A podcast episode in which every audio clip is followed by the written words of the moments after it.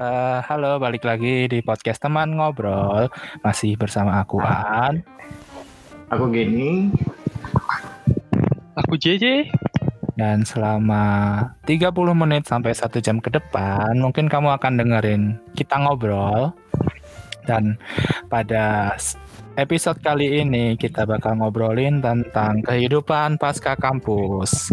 Dan pasca ini pasca kampus ya mungkin teman-teman banyak yang masih merasa bimbang. Udah tingkat akhir nanti kelar kuliah mau ngapain sih? Mau kerja tapi masih bingung mau kerja apaan? Atau mau lanjut S2 atau gimana? Kebetulan uh, kali ini kita kedatangan tamu yang jauh sekali dari ujung kulon. Monggo perkenalan. Sial banget dari ujung kulon. Gak ujung derung aja sekalian. Dikira ada kali ya. Halo guys, sorry banget ya gue ganggu podcast kalian. Hai. uh, kenalin gue Imron. Lengkapnya Imran Rasidi biasa dipanggil James tapi bohong. Anjay. Anjay. Gue sekarang lagi kena PSBB di Tangerang. PSBB jadi lu gak bisa ke mana-mana ya? Gak bisa ke mana-mana. Alhamdulillah ya. Jadi dinikmatin. Terus juga Alhamdulillah lagi ngerasain WFH satu bulan. Jadi cukup suntuk ya, nggak bisa beraktivitas ke mana-mana sejak corona sekarang jadi epicentrumnya di Jakarta. Ya, untung lu masih bisa internetan ya. Uh, mohon maaf juga lagi disambungin wifi ya di rumah. jadi emang ini serba emang serba mendadak. Ya. Oke. Okay. Dan apa yang mau kita bahas nih? Ya, lu bilang tadi uh, sebelumnya mohon maaf ini mungkin agak nyampur aku kamu dan lu gua karena aku kebiasaan pakai lu gua kalau ngobrol sama Imron ya. Ya, tapi sebetulnya aneh sih. Sebetulnya rada aneh sih kalau misalnya yeah. ah, pakai lu gue gitu. Emang nggak masuk. Gak Cuma, cocok gitu. Gak apa-apa, gak apa-apa. Ikut aja, ikut aja. Ikut aja. ya ya ikut aja. Enggak bercanda itu baru. Berusaha tuh konten bercanda baru. aku tahu su suara aku nggak cocok buat pakai lu gue emang. Medok medok terlalu autentik ya, terlalu autentik. Terlalu Javanese gitu. Nah, Ron, tadi lu bilang WFH, lu kerja di mana sih sekarang? Oke, okay, uh, gue tuh sebenarnya belum kerja ya. Gue tuh terbilangnya adalah probation di hmm. salah satu perusahaan e-commerce enabler uh, hmm. di daerah Jakarta Utara. Emang okay. boleh gue sebutin nih perusahaannya apa? Uh, nggak usah nggak apa-apa deh, kita nggak dibayar. ya, salah satu perusahaan e-commerce enabler di apa namanya di daerah Penjaringan Jakarta Utara. Dan hmm. gue tuh masuk ke bulan ketiga, which mean dua minggu atau tiga minggu ke depan adalah momen deg-degannya gue karena pengumuman buat uh, lulus atau enggaknya probation dan itu. Hmm. Berarti lu udah dari kapan tuh masuk situ? Uh, gue masuk per 27 kalau nggak salah 27 Januari 2020 hmm. tuh mulai tanda tangan kontrak. Tapi kalau misalnya terhitung gue berkecimpung di startup itu mulai Oktober ya. Dari Oktober tuh gue magang. Tapi hmm. dia uh, perusahaannya dia lebih ke apa ya? Lebih ke lifestyle ya lifestyle uh, apa namanya digital payment lah kayak oh, gitu. terus abis itu beralih ke e-commerce enabler. Hmm. jadi beda bidang tapi uh, berkecimpungnya oh, di arah-arah startup gitu. berapa digital gitu ya. Betul. Uh, gue Oktober uh, Oktober ya. Oktober gue magang sampai tiga uh, bulan sih. Tiga bulan sampai Januari. Hmm. jadi uh, nyaris gak ada napas ya. Jadi benar-benar megang. Jadi kan uh, sidang tuh September. Nah. terus sidang September ngurusin lalalayinya lumayan padat banget kan karena ngejar uh, nggak nggak bayar UKT lagi semester 9 itu sampai akhir September awal awal Oktober lah awal Oktober. And then minggu depannya gue benar-benar kosong satu minggu minggu depannya udah mulai magang. Minggu depan magang Januari wisuda wisuda juga minggu depannya selesai magang. Sel- setelah selesai magang itu selesai magangnya kan hari Senin. Selasanya udah tanda tangan kontrak dan udah kerja. Itu benar-benar yang Gila-gila. nggak ada nggak ada ini sih. Nggak ada nggak ada ya. Berarti lo bisa dibilang nggak nggak punya masa nganggur gitu ya? Ah, dibilang masa nganggur sih sebenarnya banyak ya. Karena gini, ah, actually yang benar itu adalah ketika dia di masa renggang skripsi, ah, orang-orang semester akhir tuh harusnya ngambil magang, magang yang Hmm. buat persiapan dia kerja gitu. Kadang kan emang banyak ya yang sekarang di provide kampus-kampusnya jurusan-jurusannya itu diisi buat magang gitu. Ah, betul. itu magang wajib gitu kan cuman kadang-kadang magang wajib kayak misalnya gini temen gue di anak eh, apa namanya perikanan di manajemen sumber daya perairan. Otomatis ketika dia magang di KKP dong di Kementerian Kelautan dan Perikanan. Hmm. Nah, di sana dia ada ya magangnya di sana gitu tiga bulan gitu. Tapi ya kita nggak bisa berkepung eh, memungkiri kalau dia ternyata punya passion mungkin pekerja as as pekerja startup lah gitu. Mereka kan Ya, bukan gitu. bukan birokratik itulah ya. Tuh, bukan birokratik, bukan satu hal yang sebidang dalam tanda kutip gitu kan. Akhirnya yang mengharuskan kalau dia mau berkecimpung ke startup, dia harus ke magang dulu gitu. Nah, itulah yang harusnya menjadi apa ya? Menjadi satu hal yang bisa dipertimbangkan ketika ada sela-sela uh, sambil mengerjakan skripsi kan kita skripsi talk gitu kan bener-bener yang kita nggak nggak akan melakukan aktivitas apa-apa harusnya di timing itu cuman waktu itu kenapa gua tidak mengambil magang pada saat uh, penyusunan skripsi yang pertama restu. Restu orang tua gua belum boleh. Jadi waktu itu gua udah keterima di salah satu e-commerce yang cukup terkenal. Yang Di- warna oranye itu ya. yang warna oranye ya. Yang warna oranye. Itu gue keterima magang di sana tapi jam magangnya itu lumayan padat ya. 9 to 6 terus dia kadang-kadang juga ada lembur dan semacamnya. Dan uh, penelitian gue tuh menuntut hal yang harus fokus fokus dan uh, gue perlu ke lapang juga kan Hmm.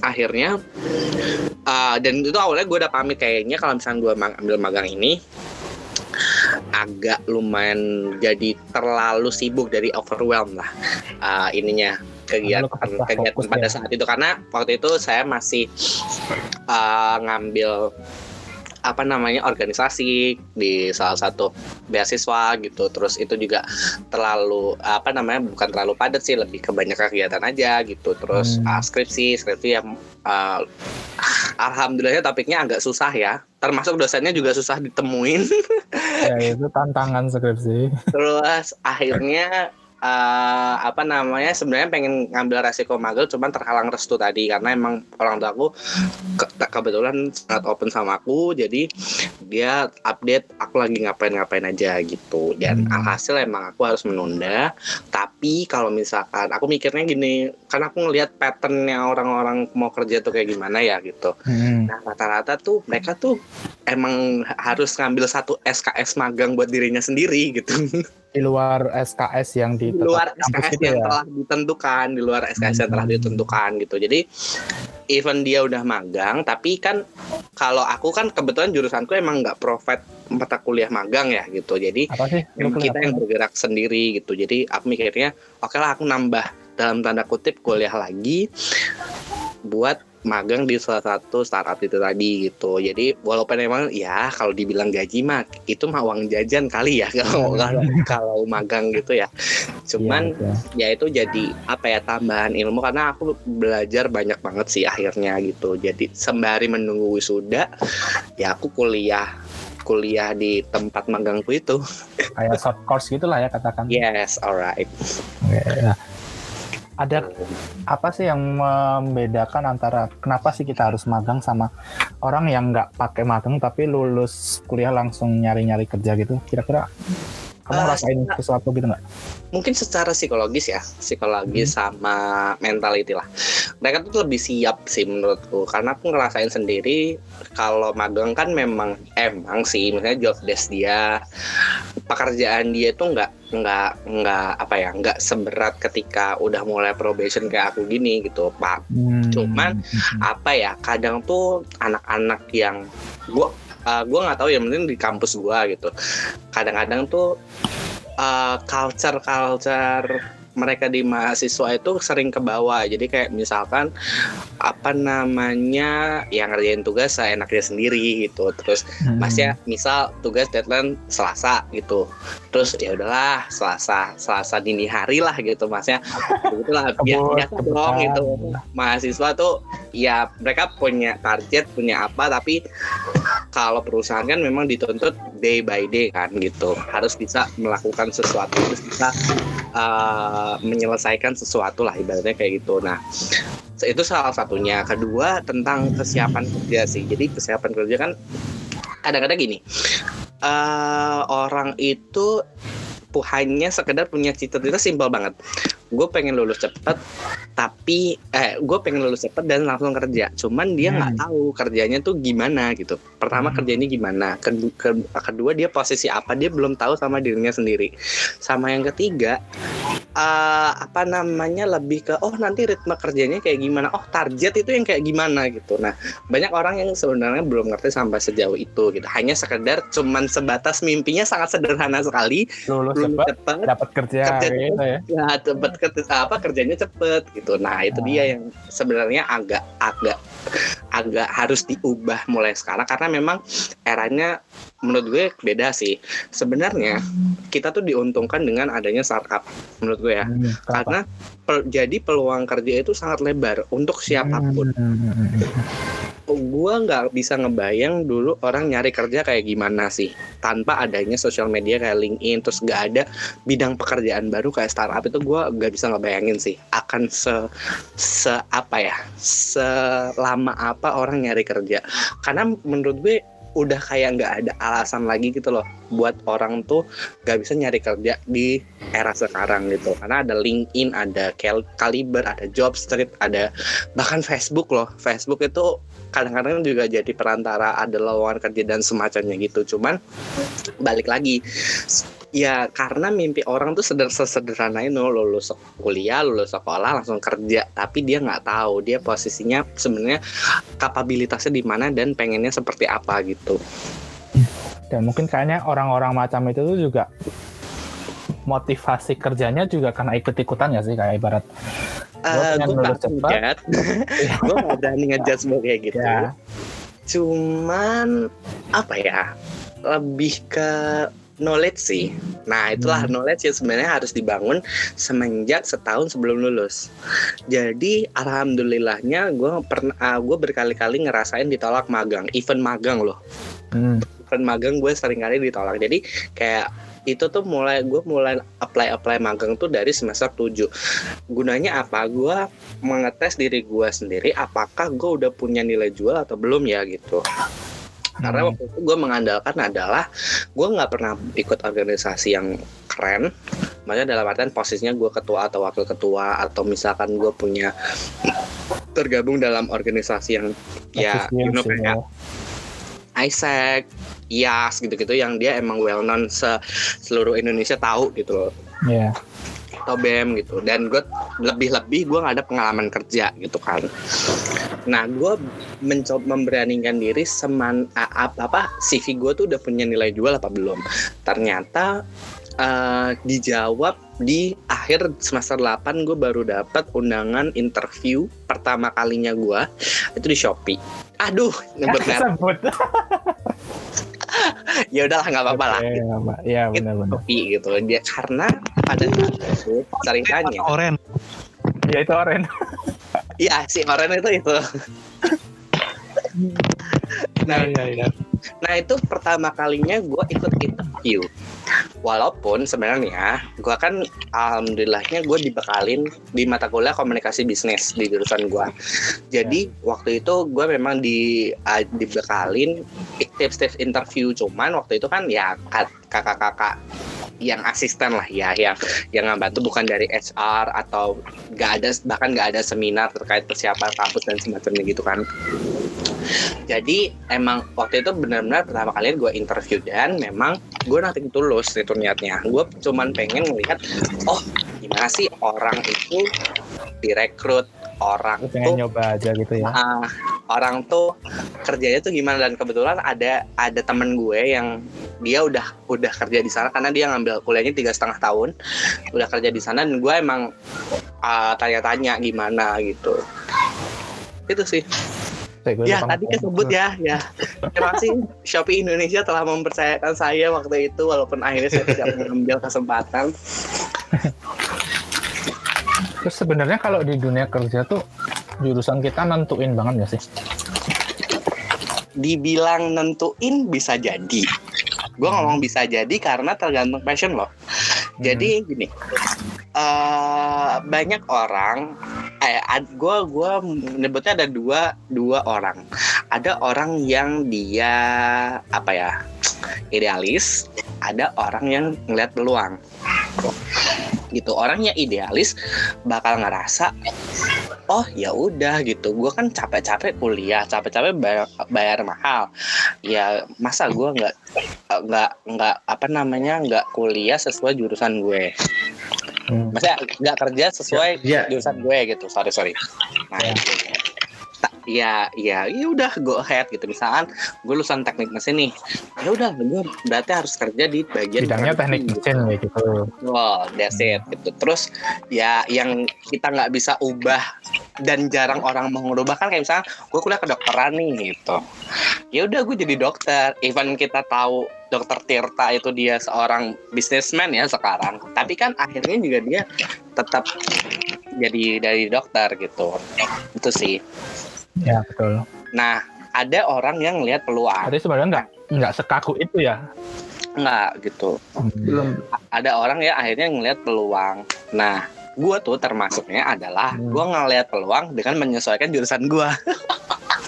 karena Ay, karena nggak mungkin coy, maksudnya Ngambil tengah-tengahnya berarti. Nah betul, nggak mungkin dong seorang gua yang sungguh bodoh ini, gue tiba-tiba ngincar QA QC nggak mungkin, gua nggak belajar lab coy, gitu. Terus kalau misal terus gua ngambil kayak uh, IT misalnya kayak itu nggak mungkin karena gua nggak belajar. Yang bisa gua lakukan adalah gua merebut pasar-pasar orang bisnis bisnis atau ekonomi yaitu di bagian operation. Operation business analyst itu yang gua biasanya fight-nya di situ. Karena rata-rata gua uh, lulu- apa bersaingnya sama anak-anak FEB UI terus kayak gitu-gitu. Ya nyebut merek juga deh. Mohon maaf ya FEB UI kita sering berkompetisi tapi ya apa ya ibaratnya kayak ya itu tadi mencari peluang dan menyesuaikan sama jurusan gitu. Background kita semana dan juga apa namanya kapabilitas kita sejauh mana gitu. CV kita itu benar-benar apa namanya dapat dipertanggungjawabkan apa enggak gitu. Karena pengalaman organisasi pun nyatanya juga setelah dibawa ke pekerjaan itu ya ya nothing gitu loh. Kalau Oke. kalian emang nggak bisa nggak survive pakai. gitu. Hmm. gitu. Tuh udah mulai ada suara anak Karena kecil. ini anak kecil. sendiri sedang iya ini sendiri sedang merasakan kebimbangan itu ya kan ya? Ya mau nggak salah sih. apa nggak tahu mau kerja di bidang apa. Terus itu kan sering kali dirimu curhat masalah itu. Btw aku termasuk tadi yang disebut sama Imron yang nggak ikut magang sih sebetulnya. Dan emang bener kata. Dan emang sudah benar rumusannya gitu loh. Bukan bukan benar rumusannya gimana ya. Lebih ke arah itulah yang apa sih yang diomongin sama Imron tuh kerasa gitu loh sama aku juga gitu relate gitu kan Iya, relate. Tapi bukan bermaksud untuk menyalahi apa namanya? menyalahi takdir. Mungkin bisa jadi pelajaran aja buat apa yang mungkin yang dengar ini tapi belum lulus atau apa gitu yang bisa merubah bukan merubah sih, lebih ke arah mempersiapkannya lebih dulu gitu. Anjay. Oh, ya sebenarnya iya. gini. Basicnya adalah basicnya adalah bukan soal siapa cepet dia dapat nggak kayak gitu karena siapa karena kayak siapa cepet da- dia dapat tapi dia juga nggak siap juga sama aja gitu bakal menjadi efek apa ya efek tadi overwhelm lah ibaratnya kayak kaget gitu tiba-tiba gitu gitu terus dia juga harus mempertimbangkan kayak ris- resiko kayak misalkan kayak aku tadi posisinya adalah bingung. Ini yang ngambil organisasi ngerjain skripsi plus magang. Dihitung itu nggak bisa nih gitu. Masa nggak bisa nih overwhelm nih. Pasti pasti dan kalau misalkan jadi waktu itu kan jadi tiga tiganya diambil harus ada konsekuensi bolak balik Jakarta Dramaga setiap hari. Ya itu pasti sangat sangat overwhelm kan? Yang takutnya adalah karena punya keterbatasan fisik jadi drop lah apalah. Jadi malah justru ngedrop. Uh, justru malah resikonya adalah kembali lagi ke waktu karena waktu kan dikejar tepat selulusnya tepat waktu. Terus organisasi itu kan juga ada targetnya Ya. sendiri. Terus uh, magang kan sebenarnya juga input agar kita juga siap setelah lulus kan gitu. Jadi waktu itu emang bingungnya di situ. Mau ngelepas organisasi udah terlanjur tengah-tengah. Mau apa salah satu skripsi waktu itu emang menunda skripsi menunda skripsi kayak makanya aku pamit kan sama orang tua kayaknya kalau aku jadi ambil magang skripsiku akan tertunda sampai paling paling buruknya adalah Desember aku bilang gitu kan Desember terus Hmm. oke perjanjian ini ibaratnya oh, bapak lu main tegas kan perjanjian kamu sama orang tua itu selesai sampai semester 8 waktu itu. Selesai sama semester 8 jadi menurut bapak udah tinggalin si magang selesai skripsi. Udah selesai. Nggak ada nggak ada offense. No offense semua sekali. Jadi akhirnya ya udah hal itu. Maksudnya gini nggak ada kata nggak ada kata terlambat sebenarnya. Karena sebenarnya kalau misalkan bisa di manajemen dengan baik. Kayak misalkan uh, fortunately kalian ternyata nggak ada tanggungan organisasi atau uh, atau atau mungkin kalian rumahnya deket sama salah satu perusahaan yang provide sama magang dan magang ini juga menjadi penunjang nanti uh, mengejar karir Karir. uh, yang linear lah ibaratnya kayak gitu. Maksudnya ternyata dekat rumah ada perusahaan startup nih gitu membuka magang atau mungkin uh, pegawai kontrak dan semacamnya itu lebih bagus gitu. Karena kalau startup kan culture-nya dia emang dia nggak ngelihat apa ya nggak terlalu bagus sih sebenarnya. Cuman dia ngelihat kapabilitasnya orang gitu. Dia dia oke nggak gitu misalnya buat kerja gitu. Even dia belum lulus saja banyak yang udah jadi manajer di startup tuh. Gitu. Sampai kuliah gitu berarti ya? gimana? Itu si manajernya ngambil kuliah gitu? Manajer uh, manajer gue waktu itu yang di kantor magang yang di kantor magang gue itu tuh posisinya masih semester 6 Gak bayangin masih semester 6 kuliah Hmm. di salah satu uh, uh, apa namanya perguruan tinggi swasta di Jakarta. Manajer coy. Manajer. Dia punya anak buah dan anak buahnya udah lulus semua. Gila gila gila. itu maksudnya secara secara pendidikan begini pendidikan perlu. Cuman eh, apa ya yang paling disorotin adalah kapabilitas. Karena pendidikan itu itu tuh cuman buat melegalkan dia adalah seorang pegawai yang setara sarjana kalau kalau setara karena gini ketika kita kan ada UU te- ketenaga kerjaan kan. Nah di dalam undang-undang itu buat beberapa posisi itu udah di- udah diatur bahwa dia adalah lulusan S1 dan dari segi tunjangannya itu segian segini segini segini dan dari segi hak dan kewajibannya itu kayak gini gini gini itu udah diatur. Jadi ketika dia apa namanya di posisi manajer apalagi posisi manajer di sesuatu berarti emang kalau menurut undang-undang dia harus punya pendidikan yang setara segitu maksudnya S1 lah gitu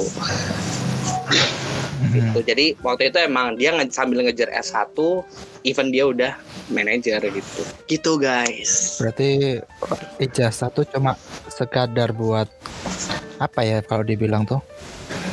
Eh, Legalitas tadi. Kualifikasi ya bukan kualifikasi. Legalitasnya ya kayak Iya, hitam di menyesuaikan atas undang-undangnya putih. aja gitu nggak sih? Ya, hitam di atas putih kalau Itu kita doang kan? lulusan S1 gitu. Tapi startup Bukan itu menjamin se-fleksibel kualifikasi itu. yang sebenarnya kan ya. ah, begitu. uh, aku ada pertanyaan yang mewakili para fresh graduate sih ini. Nah, ya silakan silakan. Haruskah haruskah kita kerja di Jakarta? Uh, haruskah kerja di Jakarta? Jujur kalau misalkan gue boleh milih, gue sebenarnya pengen kerja di Semarang. Nggak tahu kenapa. uh, karena itu lebih dekat sama sama kamu halamannya gitu. Tapi kita ngelihat lagi bahwasannya uh, lo kerja tuh buat apa sih gitu kan? Lo kerja buat apa? Kalau uh, untuk jangka pendek adalah uh, gue tuh buat nyenengin orang tua sih karena orang tua lagi uh, sempat kemarin ada problem kan gitu. Jadi gue membantu menyelesaikan problem itu dengan bekerja di Jakarta yang kita tahu sendiri bahwa UMR-nya adalah UMR kedua terbesar setelah uh, mana sih ini Karawang ya? Karawang. Karawang. Nah itu. Bekasi Bekasi dulu. Nah, Karawang Karawang benar. Karawang Hmm. udah 4 juta 200 Karawang dulu ya Kang. oh berarti sama kayak Jakarta dong. Jakarta per per Januari tuh 4, 4 juta 200 berarti harusnya lebih tinggi sih gitu. ya berarti iya ya emang itu naik lagi emang udah naik lagi. Lupa Ah. 4 juta 200 atau 300 itu lupa. Nah gitu. Salah satu tujuannya itu. Dan sebenarnya nggak harus sih sebenarnya kerja di Jakarta atau enggak eh bukan masalah bukan masalah di apa ya bukan masalah pride juga. Karena gini kadang-kadang juga ada yang kebalik kebalik apa ya kebalik mindsetnya gitu loh. Temen gue ada kerja udah bagus nih dia. Dia itu kerja di salah satu uh, perbankan di Medan waktu itu. Rumahnya Medan. Terus apa namanya kerja di, di Medan. Nggak ngekos di masih sama orang tuanya dalam hal dalam hal supply makanan lah uh, apa namanya kebutuhan pakaian dan Hmm. semacamnya. Tiba-tiba dia resign dan pengen ke- dan dia nge-DM gue dan bilang gue mau kerja di Jakarta aja. Lah kenapa gitu? Ada issues maksudnya issues dalam artian emang ada sesuatu yang dikejar gitu. Dalam artian mungkin uh, gajinya Hmm. kurang lah apalah dan semacamnya. Dia bilang enggak dia kecakupan justru tapi dia cuma pengen kerja di Jakarta. Lo bayangin udah baik-baik kerja di Medan udah nyaman dan dia ke Jakarta as a pengangguran sama kurang lebih baru dapat kerja itu pas musim corona gini dia justru. Dari bulan Januari Oh iya. gue memutuskan resign dan pengen kerja di Jakarta. Dan ketika gue tanya alasan lo kerja di Jakarta apa? Nothing. Gue pengen kerja di Jakarta aja. Kadang juga gitu ada salah orang. Gini- kadang gini eh, banyak tipe orang yang sebenarnya kita nggak bisa salahin sih gitu. Jadi emang badan Iya, banyak betul. juga di kantor gue yang ah, dia bilang ya dia kerja untuk meng apa ya meningkatkan status sosialnya. Maksudnya setelah lulus biar nganggur-nganggur banget gitu. Dan uangnya itu buat Hmm. pure buat duit jajannya dia gitu. Sehingga ditabung ditabung ditabung. Gua ngeliat Instagramnya hmm, kadang-kadang ke ke Eropa lah ke mana lah gitu. Terus makannya yang satu kali kintan lah aduh. Itu bener ya. Anjay. ya. Setiap siang kintan yuk. Uh ringan banget rahang kata gue kan. Itu uh, dan semacamnya. Jadi ada yang kayak gitu. Ada yang kerja kadang-kadang kebutuhan gitu.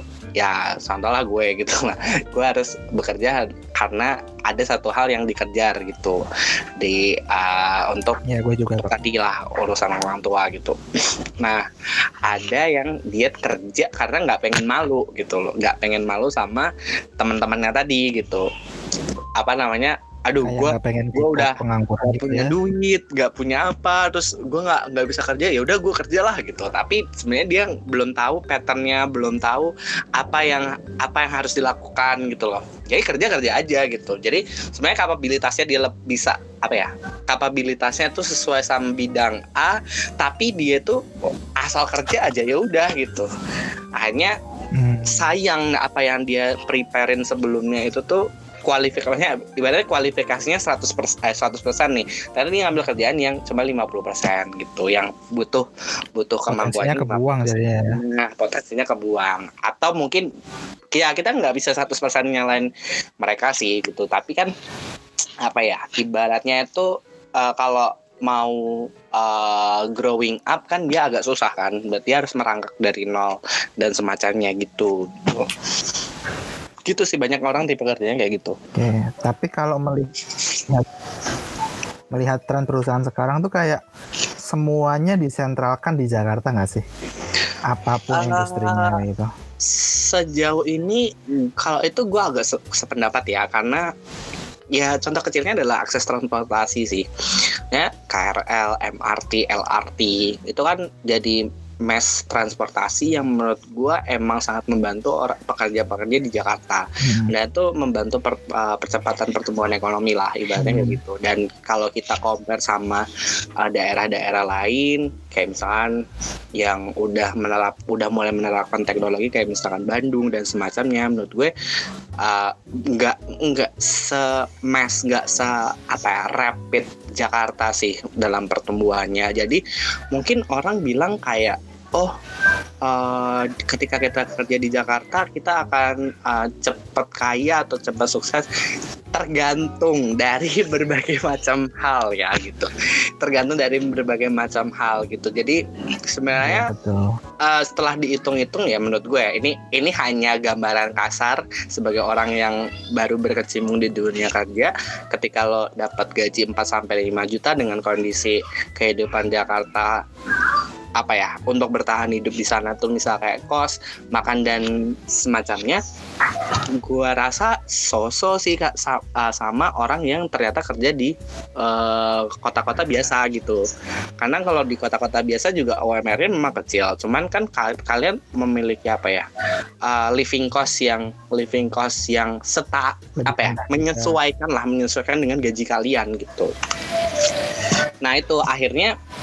Banyak mindset yang uh, digunakan oh ketika kerja di Jakarta gue cepet kaya ah gue pindah kerja ke Jakarta nah nggak gitu konsepnya nggak langsung Iya, kalau betul. mau bilang gue piah uyah langsung kayak gitu gitu nggak boleh gitu jadi harus apa ya harus tahu benar-benar why the reason you are bedanya kayak gimana? uh, go to Jakarta gitu sih Karena kalau di ngomongin gaji juga, katakan 8 juta di Jakarta sama 4 juta di Jogja juga living cost-nya bisa dibilang ah, bukan living cost ya.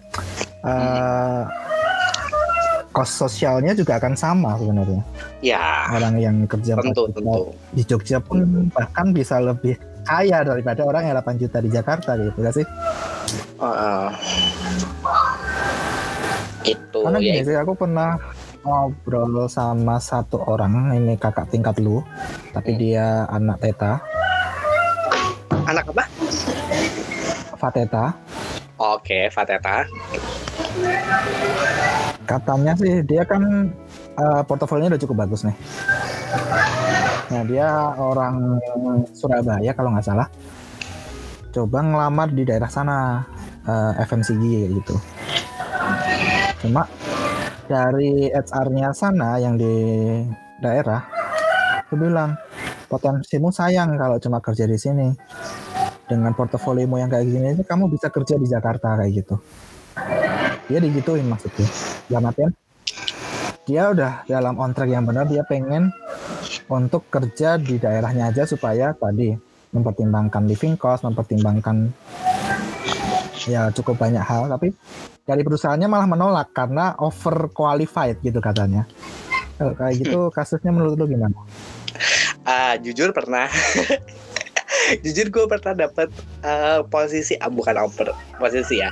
Ah, pernah dapat pengalaman gue dibilang over qualified sama sesuatu. Padahal apa ya eh, waktu itu juga sama FMCG kasusnya perusahaan FMCG gue di interview eh, di posisi yang menurut gue menurut gue itu justru adalah eh, kualifikasinya kualifikasi gue gitu pada saat itu.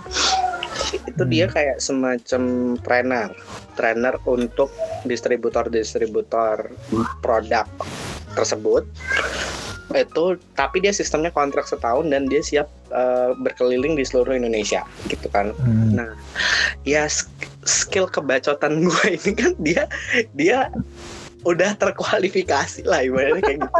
gue udah pede banget gue bakal bakal ini bakal bakal dapet lah gitu. uh yakin gue tas tas tas tas di hadapan HR-nya kan pakai bahasa Inggris dan semacamnya masuk. Set. Uh, ke tahap pertama terus ke user. Set. Di user gue bener-bener ya ibaratnya ibaratnya nyari kerja tuh kayak perform lah. Kita harus prepare segala macam dan kita harus menunjukkan kapabilitas kita bisa untuk hal tersebut lah. Maze sih. Si usernya Maze tapi uh, dibilang gitu. Apa namanya?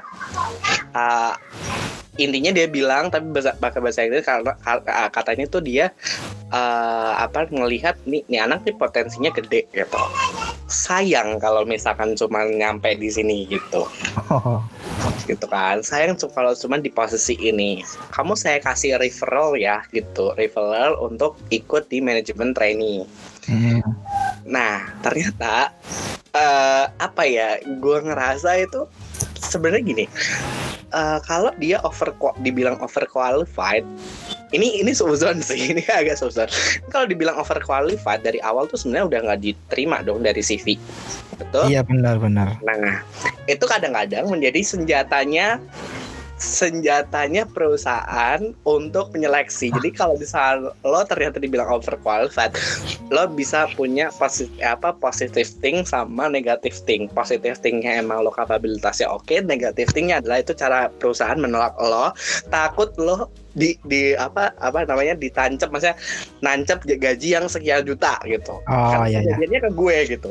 Kejadiannya ke gue. Gue di gue udah dari sekian kandidat gue ditanyain yang benar-benar ditanyain gaji itu gue gitu. Padahal gue juga bilang udah bilang ya karena saya fresh graduate I'm as as a fresh graduate ya gajinya sesuai UMR gue udah bilang kayak gitu Hmm. dan dia bilang oh jadi kamu nggak minta lebih dari lebih dari itu dia min- minta lebih gue kasih lebih lah gue Uh, uh, I think five uh, five until six uh, thousand million gitu uh, uh, Sean, ya pokoknya. Lima- lim- lima sampai enam juta lah, gitu. 600 juta coy. enggak lah sorry 5 sorry miliar. ininya gitulah. Nah uh, 5 sampai 6 juta gitu. Terus oh ya gitu. Uh, we dia dia bilangnya dia provide sampai 8 juta untuk satu kandidat. Waktu Hmm. itu. Sat- satu kandidat 8 juta. Uh gue langsung ah ini nih maksudnya yang gue cari nih yang gajinya segini gitu kan. Awalnya kayak gitu. Gue nunggu.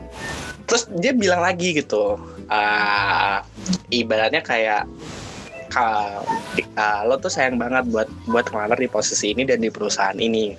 Lo tuh punya kesempatan buat bisa uh, di manajemen training. Lo di training satu tahun manajer lo gitu. Biasanya kayak gitu udah ada percakapan. Ya udah nggak masalah gitu kan. Gue gue pikir ya ya gue tujuannya cuma cari pengalaman karena fresh graduate emang nggak bisa diandelin. Ya lo punya power nih punya power lo banyak organisasi tapi lo belum sekalipun terjun di dunia kerja it's nothing gitu loh. Bener-bener lo organisasi apa pun aktivitas sosial lo apa pun tapi lo nggak ada pengalaman basic. Satu kali magang aja gitu.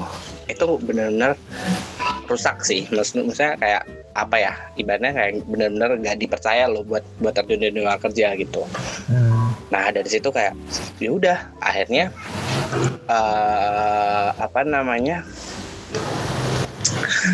gue tunggu pengumumannya terus di WA gue tiba-tiba sama si usernya. Gue nggak nyimpen nomornya kan di WA gitu.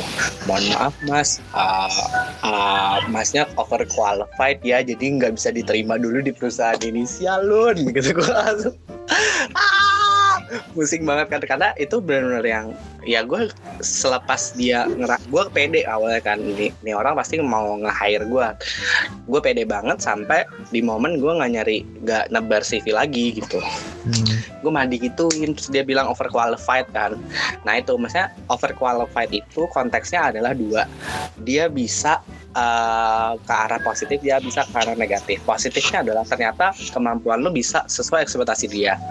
Nah sesuai eh, melebihi justru kualifikasinya bisa jadi negatif. Negatif itu tadi tadi adalah cara orang buat cara cara HR atau user buat menolak lu secara perlahan. Cara halus gitu ya. secara halus gitu. Sama kayak cewek nolak kamu terlalu baik buat aku. gitu Jadi emang sepenting itu ya pengalaman kerja tuh. eh bilang penting penting tapi dibilang cepat atau lambat gue nggak bisa jamin gitu. Ter- tergantung dari uh, kalian pintar-pintarnya nyari peluang. Gini kadang orang punya kapabilitas oke tapi nggak punya nggak punya apa ya nggak bisa ngelihat peluang gitu. Kadang uh, banyak orang yang bisa ngeluang tapi ternyata kapabilitasnya nggak oke gitu. Kayak misalkan uh, temen gue ada yang dia sampai detik ini dia nyari kerja karena gue yakin uh, secara soft skill dia terasah. Terus dia punya pengalaman uh, organisasi punya pengalaman sosial bahkan dia pernah magang gitu. Dia punya uh, background as a employee walaupun singkat gitu. Cuman dia terhambat karena IPK-nya gitu IPK-nya yang uh, belum sampai tiga gitu. Ada banyak juga yang dia IPK ya cum laude. Punya organisasi event magang aja nggak keterima gitu. Jadi apa ya lebih ke eh formulanya sih yang harus disusun benar-benar sih ketika lo lulus lo harus jadi apa gitu. Dan itu terencananya ha- ha- harus jauh-jauh hari gitu. Karena gue pun jauh-jauh hari gitu. Maksudnya eh, dari jauh hari dari semester 7 gue udah coba nebar CV jadi dari nyebar CV itu gue ngelihat kapabilitas CV gue tuh kayak gimana. CV gue acceptable atau enggak? Atau CV gue masih salah atau enggak gitu dan lain sebagainya gitu. Terus uh, dari situ gue evaluasi evaluasi evaluasi baru dapat magang di semester 7 semester 7 pun di posisi gue nggak direstuin kan walaupun gue udah keterima cara nolaknya gimana cara tetap berhubungan baik sama HR gimana peraturan perusahaan terkait orang yang udah ngelamar tapi ternyata ditolak atau melamar akhirnya man, apa mengundurkan diri tuh jangka waktunya seperti apa. Itu tuh sebenarnya pengetahuan-pengetahuan basic yang harusnya udah tahu sih gitu. Jadi eh, itu yang eh, apa namanya yang jadi kadang-kadang menjadi eh, satu apa ya pengalaman yang emang gak bisa sekedar kuliah dua jam atau ngikut seminar berjam-jam itu enggak gitu jadi kita harus praktis sendiri sih Itu emang nggak diajari gitu ya. nggak diajarin sama sekali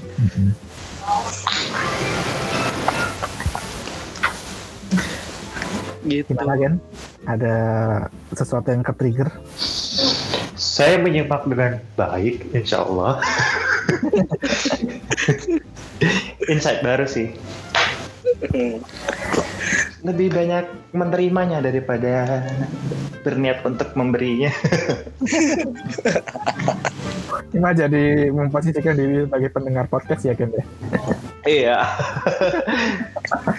iya nih nggak ada yang nanya gue lagi selain Aan nih JJ sebagai mahasiswa tingkat akhir Ya dari tadi gue juga mau nanya tapi nggak tahu di mana motong yang paling enak.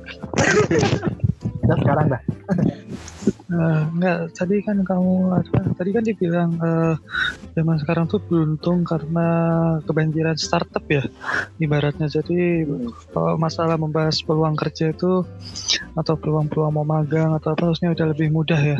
Hmm, Tapi hmm. nggak, eh, aku cuma wonder aja, bukan eh, apa ya?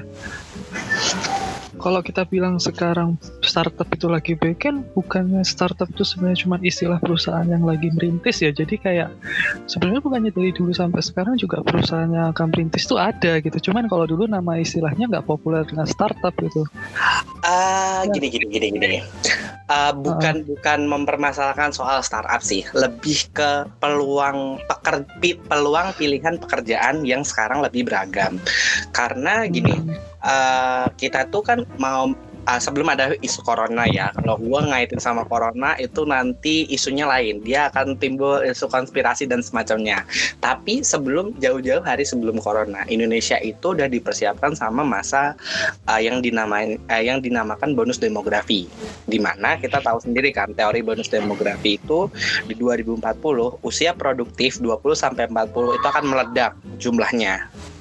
Dan itulah kejayaan masa Indonesia yang digadang-gadang jadi uh, pertumbuhan ekonomi paling tingginya Indonesia di masa saat itu di mana usia kerja usia produktif itu bakal bakal meledak lah nah timbullah orang-orang investor-investor datang ke Indonesia buat uh, membentuk satu uh, ber- berbagai macam uh, unit usaha bawahan dia yang dinamakan startup tadi.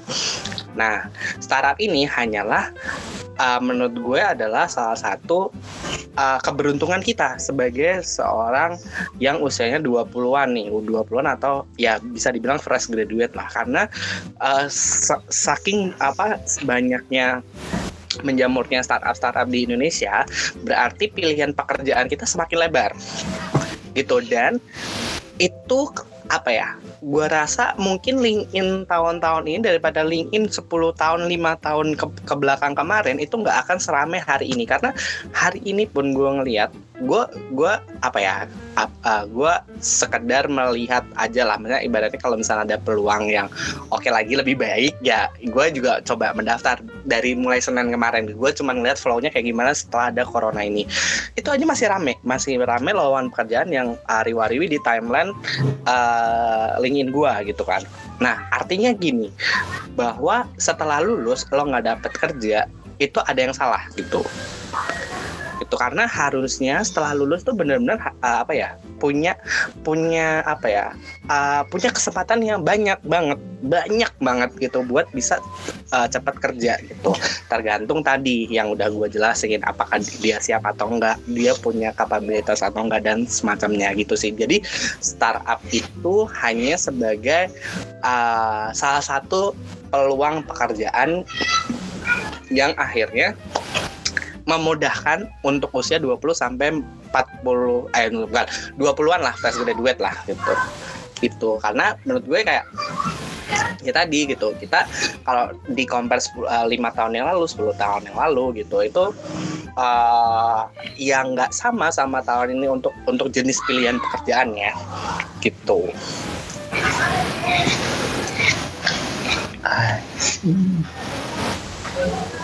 mungkin startup yang dimaksud Imron itu kayak startup-startup digital yang lagi jamur ini ya? Uh, iya sekarang kan startup juga macam-macam juga kan maksudnya ada yang di bidang logistik ada yang dia digital hmm. payment ada yang entertainment payment terus juga ada yang uh, dia cuman e-commerce terus dia juga bahkan ada yang pendidikan kan yang kita udah tahu semua lah pendidikan itu apa yeah. startupnya gitu terus ada yang travel event yang travel lagi, yang lagi rame ini banyak ya hal gitu, banyak hal banyak hal gitu Ya, dan itu membuka membuka peluang-peluang pekerjaan baru tadi kan? Betul. Jadi sebenarnya nggak ada nggak ada alat. Se sebenarnya nggak ada alasan buat orang tuh nganggur sih sebenarnya sebenarnya di untuk lulusan S1 karena gue lihat kayak uh, pertanyaan yang sering muncul yang pada curhat ke gue tuh gini lo tuh lulus lama deh Ron? Gue karena gue lulusan ke 90 dari 124 cuman gue cuman butuh waktu break seminggu gue udah dapet uh, gue udah dapet magang dan gue cuman butuh waktu break dua hari baru gue bisa masuk ke kantor baru. Nah itu tuh kayak orang itu tuh pada gue jujur kayak banyak banget orang nge-DM kan. Lu gue boleh lihat CV lo gak? gue kasih CV gue terus lu tuh kok bisa ini sih? Emang interview lu kayak gimana gimana gimana gini. Terus kayak hmm. kenapa gitu? Pertanyaan-pertanyaan seperti itu harus muncul gitu loh. Menurut gue kayak sayang banget. Hmm. lo ngapain aja dalam satu tahun ke belakang? Gue gue kadang-kadang kalau dalam tahun ke gue kesel kan. Itu kayak gitu. Karena harusnya tuh lo harus bisa belajar gitu loh. Bisa belajar satu, satu tahun uh, sebelumnya itu sebelum lo lulus lo udah udah ada life planning lah. Apa gitu? Apa yang lo lo lo kejar gitu kan. Itu kadang-kadang juga pertanyaan-pertanyaan kok bisa sih lo uh, lulusnya duluan gue wisudanya duluan gue tapi kerjanya duluan lo gitu kan. Ya nggak tahu juga gitu. Gue gue kadang-kadang juga ya jawabnya ya lah lu tanya lah sama uh, Allah subhanahu wa taala gitu. Gue sampai bilang kayak gitu. Gitu jadi ibaratnya harus gini sih life planning itu perlu banget gitu. Karena ya itu nanti akan ya itulah ibaratnya lo punya tujuan apa yang lo cari lah gitu. So iya banget gue ngomong kan akhirnya. Pantas jadi pembicara antar malam ya. Enggak, enggak, enggak, enggak. Jadi gini, uh, gue niatnya juga uh, kebetulan juga hari ini gue bakal ngisi juga kan di salah satu uh, seminar online uh, pasca kampus. Jadi sebenarnya gini yang perlu perlu ditekankan adalah uh, selama di kampus di akhir kampus itu uh, lo sebisa mungkin ya apa namanya bisa menetapkan hal-hal yang ingin lo tuju satu tahun ke, uh, setelah lo lulus biar nggak kaget. Karena menurut gue banyak orang yang akhirnya kaget gitu loh. Setelah lulus kan dia nganggur. Dan selama lulus kan dia leha-leha. Maksudnya pas leha-leha sebelum lulus kan dia beralasan gitu. Ah gue nyari skri eh, ngerjain skripsi ah maksudnya gue gue kan gue santai gara-gara gue ngerjain skripsi atau atau mungkin kayak gimana ya punya lo ngerti kan uh, poin gue kayak orang tuh di masa-masa tenggang skripsi itu banyak gabutnya karena uh, dia pengen uh, apa inhale excel dulu lah. Inhale Iya, excel uh, kuliah padat tiba-tiba kosong dan cuman fokus di skripsi. Ya itu gak apa-apa gitu menurut gue gitu. Cuman di saat-saat gitu bolehlah dikit-dikit kayak oh nyicil ah bikin LinkedIn. Oh nyicil ah bikin CV gitu. Oh coba ah apply event lo akan nggak makanya gini jangan uh, berharap dulu lo bakal keterima atau enggak yang penting lo coba tebar CV dulu karena dari situ bakal ada bikin dulu gitu ya uh, pengukuran lah ibaratnya. Ketika lo udah mencapai 100 kali lo nebar CV ke perusahaan lo evaluasi gitu berapa perusahaan yang akhirnya dia ngebales. Ngebales lah ya itu ngebales dia saya apa ngajak lo interview atau lo ternyata gagal sampai di situ. Terus apa ya eh, ngelihat juga patternnya patternnya tuh kadang-kadang kan gini orang tuh nggak bisa membedakan senior manager sama staff orang tuh orang tuh job seeker asal tebar CV aja gitu tapi Hmm. dia nggak tahu nih ah misalnya posisinya yang dilamar apa yang dilamar apa levelnya manajer kah staff kah ah, support kah kayak gue kan di first level kan harusnya su- support dulu kan support dulu baru nanti ah, apa yang employee benerannya baru lab manager dan semacamnya nah apa ya strata-strata yang kayak gitu tuh yang jarang orang dapat gitu loh di perusahaan. Maksudnya uh, fresh graduate buat tahu uh, level-level kayak gitu tuh jarang. Se- sebelum kita kayak berani buat nebar CV gitu. Nah, yang gue lakukan adalah gue uh, se- se- waktu itu tiga minggu udah nebar 100 CV. Eh, serat, eh nebar 100 sekali CV di 100 perusahaan yang berbeda. Ada yang ngasih balasan, ada yang dia ngajak interview dan semacamnya. Tapi niat gue adalah gue melihat apakah CV gue udah udah udah bener apa belum. Tujuannya itu itu doang gitu. dan uh, itu nggak berhenti sampai di situ. Jadi dari awal semester 7 sampai akhir eh, akhir semester 8 tuh yang gue lakukan adalah ketika break ngerjain skripsi, gue buka LinkedIn gue ada ada lowongan apa gue apply. Bodoh amat itu posisinya apa sampai gue pernah ditegur alumni gue di Tokopedia. Ya elah gue nyebutin lagi. dia udah senior, dia udah di empat tahun di atas gua, eh empat level di atas gua. Gue minta referral ceritanya, gue minta referral buat gua di situ. Gitu. Gue di DM di eh, LinkedIn, intinya Dek, ini kan level manager. Kamu yakin daftar di sini? Oh iya gitu. Bener-bener, gue tuh nggak bisa mengartikan senior itu adalah manager gitu. Ah, Gini aja deh, CV kamu sini, aku kasih referral gitu. Dan ternyata emang udah gagal karena setelah submit, uh, sapinya di senior gitu. salah posisi ya. Terus mereka tuh gini, beberapa perusahaan kan setelah submit ternyata lo gagal, CV lo kan masuk ke shortlist kan, shortlist Hmm. orang orang pernah daftar di sini gitu. Nah itu biasanya perusahaan tuh punya tenggak waktu gitu, kapan lo bisa apply lagi gitu. Jadi jangan sampai lo tuh nyepam mulu di perusahaan itu CV-nya gitu. Dan mereka punya standar tenggat waktunya, misal kayak di si kuning tadi, yang itu itu enam bulan gitu. Terus di yang di si hijau itu gue nggak tahu gitu kan gitu jadi waktu itu ya ya salahnya gue adalah submit di situ dan udah di shortlist Seru dengerinnya. Ya, aku belum lulus, jadi bukan nggak bukan mau nggak mau mempersiapkan atau apa, cuman karena memang aku merasa belum terlalu kepikiran saya aja. oh Maksudnya ya kayak lebih Ah. kayak juga maksudnya kayak mungkin lebih apa ya namanya eh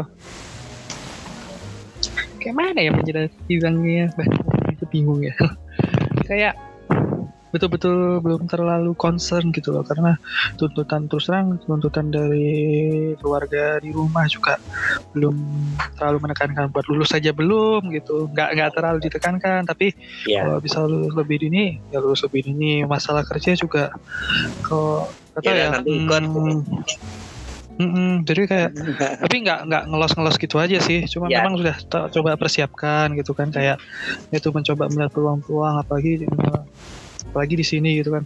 Kayak berusaha melihat apa ya eh, mencoba melihat perhatian apalagi ini kan di masa WFH masa work from home atau kalau aku sih selalu bilang studi from home jadi kayak masih bisa mempelajari apa pun gitu loh. Jadi mau mempersiapkan skill atau apa benar-benar masih bisa tak manfaatkan terus terang gitu. Jadi kayak makanya aku nggak begitu bisa ngikutin topik kali ini gitu karena memang kayak gimana ya maksudnya perasaan-perasaan kegalauan pasca lulus tuh jelas belum bisa aku rasakan gitu loh Tuh. tapi kalau misalnya kayak mempersiapkan mau magang mau apa ya insya Allah memang sudah ada persiapan gitu. mau mencoba mempersiapkan juga gitu Hmm, cuman terus kan kalau betul-betul di titik sekarang nggak bingung juga gitu hmm. dulu juga aku pernah mau coba kayak magang bahkan di Genius itu tapi Hmm. rata-rata orang juga pada bilang mending diselesain aja skripsinya baru magang oh iya iya juga sih jadi makanya Hmm. habis itu udah pernah terlalu kepikiran gitu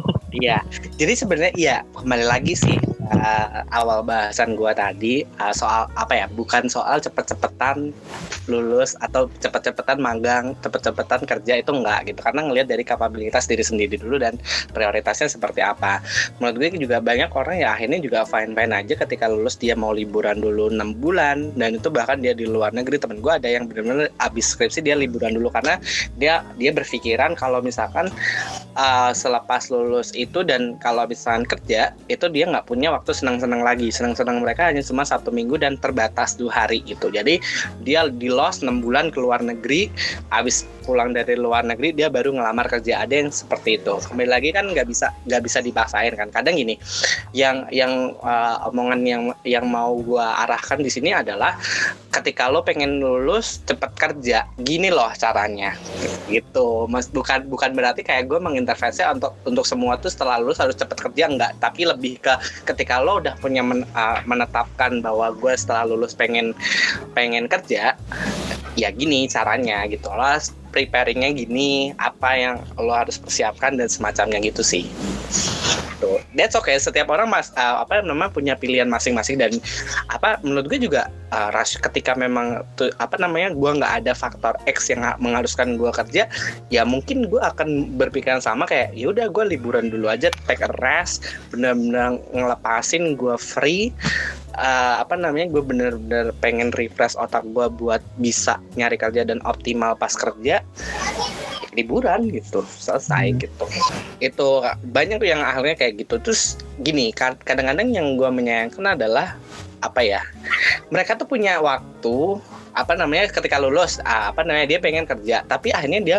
ah, sorry tuh saya kayak nyarinya tuh lama banget dapatnya tuh lama dapat interview dari satu interview ke interview yang lain tuh kayak lama banget kan apa ya mereka punya tengah waktu tapi jadi stres gitu loh bukan bukan jadi enjoy time-nya mereka gitu Iya. Nah itu itu yang sebenarnya agak disayangkan sih. Jadi ketika memang udah ditetapkan dari awal gue lulus pengen langsung kerja, gini loh resepnya gitu. Iya sih benar memang. Hmm, kalau tergantung apa ya persiapan orang atau kayak mana keinginan orang selanjutnya. Soalnya aku memang refer ketimbang mau langsung kerja juga pengennya sih ya S2 dulu. Makanya mungkin itu juga yang membuat kurang punya bayangan. Ya salah juga ya kan.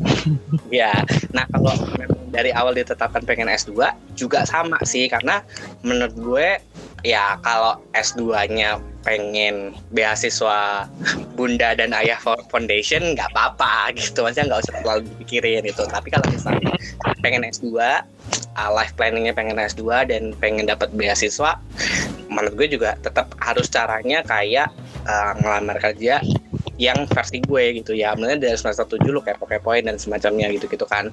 Uh, terus gimana cara apa tembusnya. Karena karena ya kita let's say uh, apa namanya beasiswa LPDP yang butuh LOE dan semacamnya gitu-gitu kan.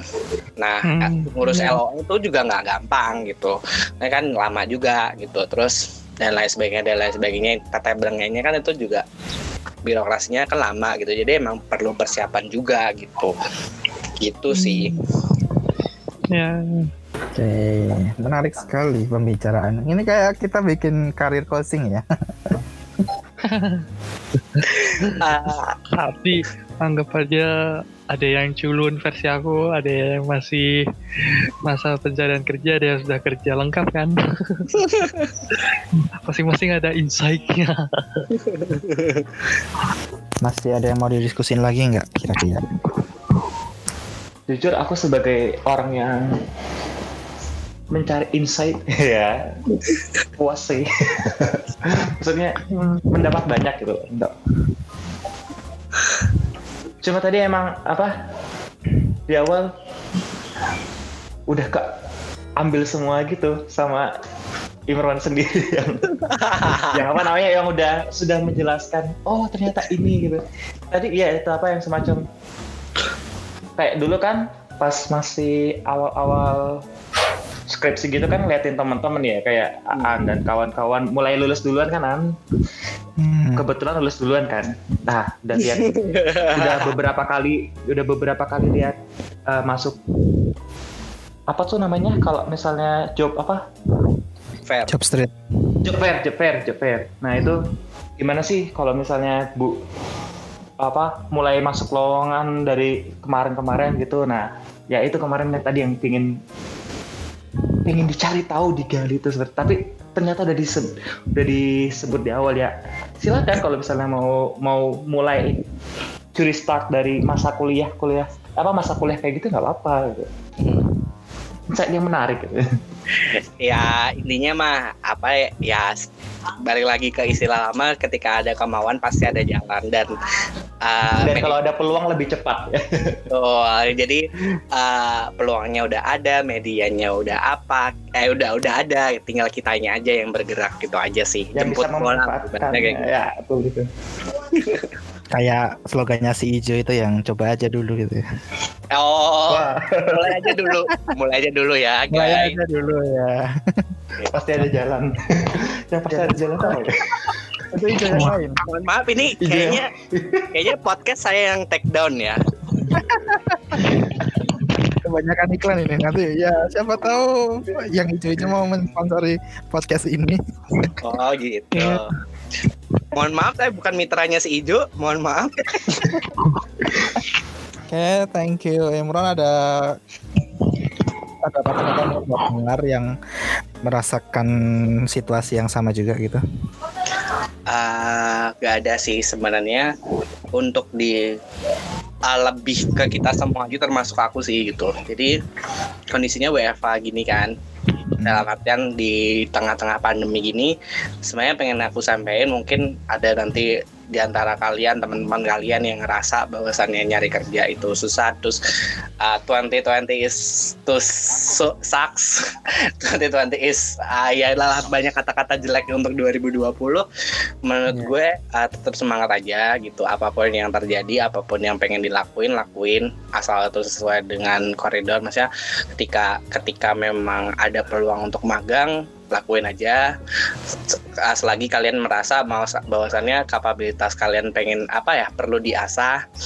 Terus uh, apa namanya hmm, buat yang nyari tetap apa berusaha nyari pekerjaan tetap semangat. Dalam artian masih jadi job seeker itu tetap semangat aja di tengah-tengah kondisi ini. Gue tahu peluangnya atau lowongannya nggak sebanyak yang uh, apa namanya tahun tahun lalu lah ibaratnya bulan-bulan lalu. Tapi uh, gue udah ngelihat sendiri maksudnya masih banyak orang baik atau masih banyak perusahaan yang butuh tenaga kita untuk uh, ini apa namanya bekerja. Berarti dan di situ gue ngerasa masih banyak peluang yang sebenarnya uh, perlu kita gali lagi dan pasti ada uh, untuk untuk lowongan pekerjaan itu Uh, dan again buat yang masih skripsian uh, tetap semangat buat mencari apa tujuan hidup kalian setelah lulus karena yakinlah selepas lulus itu uh, ketika kita nggak mempersiapkan apa-apa uh, kita kayak seolah apa ya kayak kayak apa ya lahir kembali lah. Ibaratnya kayak kita benar-benar jadi mengawali titik nol dan menurut gue ketika ketika memang kita berawal dari titik nol dan persiapannya kurang mau S2 persiapannya kurang, mau kerja persiapannya kurang gitu atau mungkin bahkan mau nikah pun persiapan kurang, itu menurut gue kayak sayang aja gitu. Maksudnya dalam artian uh, kalian sebenarnya punya waktu yang saving saving waktu yang harusnya bisa dimanfaatin tapi ketika setelah lulus kalian bingung mau apa itu jangan sampai terjadi lah gitu. Karena itu hmm. bakal jadi tingkat up menimbulkan tingkat stres yang cukup tinggi sih gitu. Uh, buat uh, kita kita sebagai seorang fresh graduate. Dan akhir kata bukan soal waktu cepat atau enggak tapi uh, seberapa siap kita menghadapinya. Asik. Asik. Yeah. Imran Teguh Golden Ways. Itu itu dari gua sih. Oke okay, thank you Imran udah menyempatin hadir di podcast ya, teman uh. Hmm. Terima kasih Imron atas uh, sama ya. Semoga sukses terus podcastnya. Jangan bosan-bosan undang gua ya. Jangan kapok-kapok jadi pembicara. Enggak, enggak, enggak, enggak. Yeah. Terima kasih buat semua yang udah dengerin. Jika teman-teman pengen punya topik yang mau didiskusiin, bisa kirim aja request ke email podcast